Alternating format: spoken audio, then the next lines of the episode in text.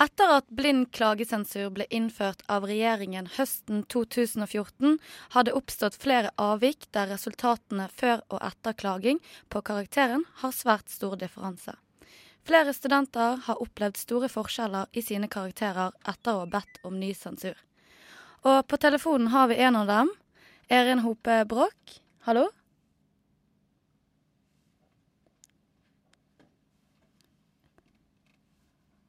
Erin? Nei, OK. Eh, Susanne Strandquist, du opplevde å gå fra en C til stryk. I hvilket fag var dette? Det var eh, Jeg går sykepleierutdanning på eh, Lovisenberg skole, så det var eh, et fag jeg hadde eh, i fjor våres. Så det var sykepleie... Det var et sykepleierfag, ja. Ja. Eh, kan du fortelle hva som skjedde fra du fikk første sensur til du klagde, og til du fikk ny sensur? Ja, eh, det var en hjemmeeksamen, en, eh, en case-oppgave som vi har, hvor man skal løse en, en sykepleiercase, da. Eh, og jeg har jo vært gjennom slike oppgaver tidligere, og følte at jeg, at jeg mestret denne type oppgave, da. Og da jeg fikk en C, så ble jeg litt misfornøyd. Jeg trodde jeg hadde gjort det bra nok til en, en B, og kanskje til og med en A.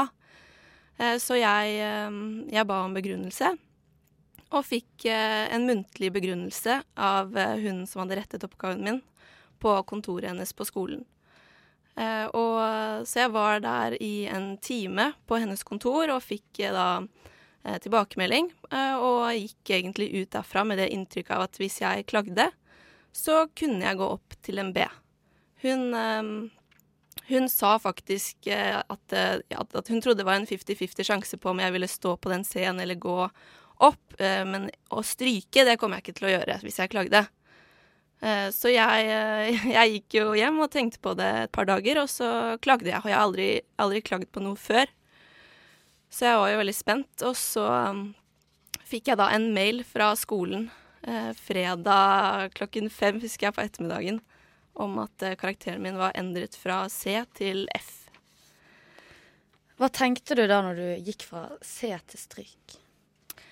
For det første så gikk det ikke opp for meg at det var stryk. Eh, jeg ringte med en gang kjæresten min, og jeg var jo helt satt ut. Og, så han sa jo så du, så du strøyk?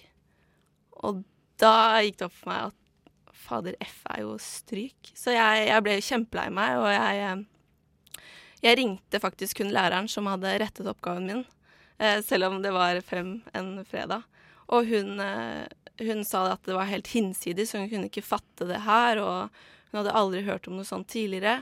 Og hun sto fast på det hun hadde sagt til meg, og dette kunne hun ikke skjønne noen ting av. Og hun ba meg komme på kontoret hennes den mandagen etter for å prate om det, da. Ja, Hvilke konsekvenser har det for deg at du strøk i det faget? Den eksamen eh, telte 25% av samlet karakter i det faget. Så jeg måtte jo bestå på den eksamen selvfølgelig for i det hele tatt gå opp til eh, fire timers skoleeksamen eh, et par uker senere. Så jeg jeg måtte jo ha den eh, Jeg måtte jo stå i det hele tatt for å kunne ta og bestå i faget. Mm. Så det hadde store konsekvenser for meg. Og ja. Ja, ja, hva tenker du om at sensorer kan vurdere så ulikt? Det skal jo ikke være mulig. Det er jo en skrekkhistorie. Og jeg har jo jeg kunne ikke falt meg inn å klage på noe nå i ettertid. Og jeg, også, jeg fortalte jo til eh, vennene mine på skolen om det her, og de, eh, de, har jo ikke turt å klage, de heller. Og det verste er jo at da jeg fortalte det til klassevenninnene mine, så sa de at Eller hun ene fortalte meg at hun fikk også en C på den oppgaven, og klagde, og endte opp med A. Ikke sant. Har vi Eirin på telefon? Ja, nå er jeg her. Hei. Du, fra, du opplevde det omvendte og gikk fra en stryk til en B. Først, ja. hva er det du studerer? Jeg går årsstudie psykologi i Bergen. Kan du også fortelle oss litt om situasjonen? Hva som skjedde da du mottok karakteren første gang, klagde og så fikk et nytt resultat? Eh, ja. Eh, jeg fikk først stryk på eh, en veldig viktig eksamen som jeg følte selv hadde gått ganske bra. Eh, så jeg ble veldig overrasket, og så ba jeg om en begrunnelse. Um, og da fikk jeg en telefon fra sensor um, som egentlig mer latterliggjorde eksamen min enn å gi meg en, en, god begrunnelse på hvorfor han strøk meg. Um, så jeg bare klaget. Um, og så to måneder senere så fikk jeg B. Det er jo helt utrolig. Eh, hva tenkte du selv etter du hadde gått, altså gått fra stryk til B? Jeg var jo veldig letta, men så var jeg på en måte samtidig litt bitter for å ha gått i to måneder og lure på hva som hadde skjedd, og hvordan det kunne ha gått så dårlig. og så det var på en måte mye bortkasta tid. Ja, absolutt. Men uh, ut ifra egeninnsatsen din opp mot eksamen og kunnskapen du fikk, hvilken karakter hadde du gitt din egen oppgave? Jeg var forberedt på en B. Det var på en måte den magefølelsen jeg hadde. Ja. Så ja, jeg var glad for at jeg fikk det til slutt, men um, Ja, hva synes du om blind sensur, egentlig? Tror du at vurderingen hadde blitt annerledes hvis den nye sensoren hadde fått en begrunnet karakter og en begrunnet klage fra deg? Uh, ja, jeg vet ikke. Jeg, jeg, mener ikke at det er den blinde sensuren som er problemet. Jeg mener at kanskje den blinde sensuren avdekker andre svakheter, da. Som, som f.eks. kanskje dårlig samarbeid mellom sensorer som skal gi samme vurdering. Um, at det er kanskje for få retningslinjer for sensorer, at det er for subjektive tolkninger. Så jeg, jeg mener ikke at det er den blinde sensuren som egentlig er problemet. Nei. Takk til deg, Eirin. Eh, studiedekan Erik Velo, eh, du jobber ved Humanistisk fakultet. Hva tenker du er årsaken til disse store sprikene mellom karakter før og etter klage? Ja, det er ikke så lett å si uh, akkurat hva uh, årsaken er, men jeg vil først si at det er lett å forstå at sensur er veldig viktig for studenter, og det er uh, veldig viktig for meg som studiedekan at sensuren skal være så god som mulig.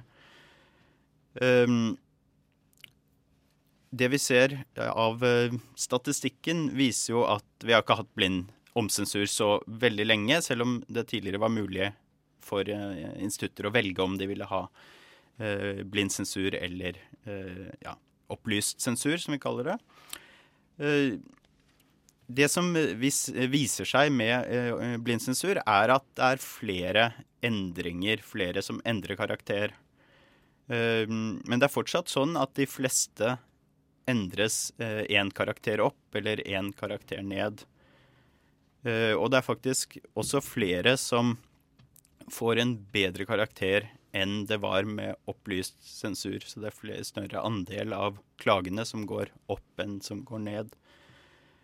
Uh, jeg tenker at uh, Eirin er inne, noe, er inne, på noe, veldig viktig når hun uh, sier at dette er kanskje ikke et spørsmål om sensurformen, men om rutiner. Og det er jo mange elementer som er inne i en det å komme frem til en vurdering, en sensur. Eh, det skal lages emnebeskrivelser, det skal lages eksamensoppgaver som er gode og klare, og det skal lages sensurveiledninger. Ja, det var akkurat det. For det at mm -hmm. når det gjelder disse store forskjellene, eh, er ikke kriteriene for at en karakter Altså, er ikke kriteriene det samme? Jo, kriteriene er selvfølgelig de samme. Eh, sånn at eh, her er det noen som har forstått samme ting på veldig forskjellige måter, og det, eh, det, ser vi alvorlig på når det blir så store svingninger. Eh, når vi får sånne saker hos oss, så blir vi regelmessig varslet fra instituttene.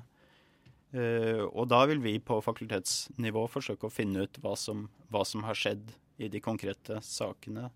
I tillegg til at vi følger veldig nøye med på statistikk og tall over eh, klage, klagesaker. Kan du fortelle litt mer hva du synes om innføringen av klagesensur? Uh, ja, der, dette kan ses på fra mange sider. fordi at um, kan, med den opplyste sensuren som var tidligere, så uh, ble det jo da var det en større mengde av dokumentasjon som ble sendt videre til uh, den nye den som gjorde den nye vurderingen Eh, den opprinnelige karakteren, en eh, skriftlig vurdering fra sensor og, og, studentens egen begrunnelse for å klage. Og det er klart at det eh, vil påvirke eh, Vil eh, i de fleste tilfeller sikkert påvirke sensor man vet det er vanskelig å frigjøre seg helt fra informasjon som man eh, vet om. Um, men samtidig så kan man si at ja, blind sensur gir en, en, eh, ny og uhildet vurdering, der man får en helt ny sensur. Uh, sånn at man kan også si at det styrker rettssikkerheten til eh, den som, den som Til kandidaten. Men da må selvfølgelig sensuren være så god som mulig, og ikke, og det, og ikke eh, vilkårlig. Hva tenker du kan gjøres for å forbedre situasjonen slik at dette ikke skjer og går utover studentene? Jeg tenker at det handler om, eh, om ja, eh, opplæring og bevisstgjøring og kvalitetssikring av eh, hele prosessen, men også eh, av sensor, sensorer. Man kan bruke, som jeg sa, ha gode sensurveiledninger, hvor det kommer fram hva som, hvilke momenter som skal vektlegges. Jeg tror du problemet kanskje kan ligge der? Det kan ligge der, og det kan ligge i at man ikke har god nok eh, samarbeid og ikke snakker godt nok internt i, i kollegene. Det er jo mange fag som har eh, sensurmøter og også andre typer seminarer hvor de eh, hvor eh, f.eks. én oppgave sendes ut på forhånd til en rekke eh, sensorer.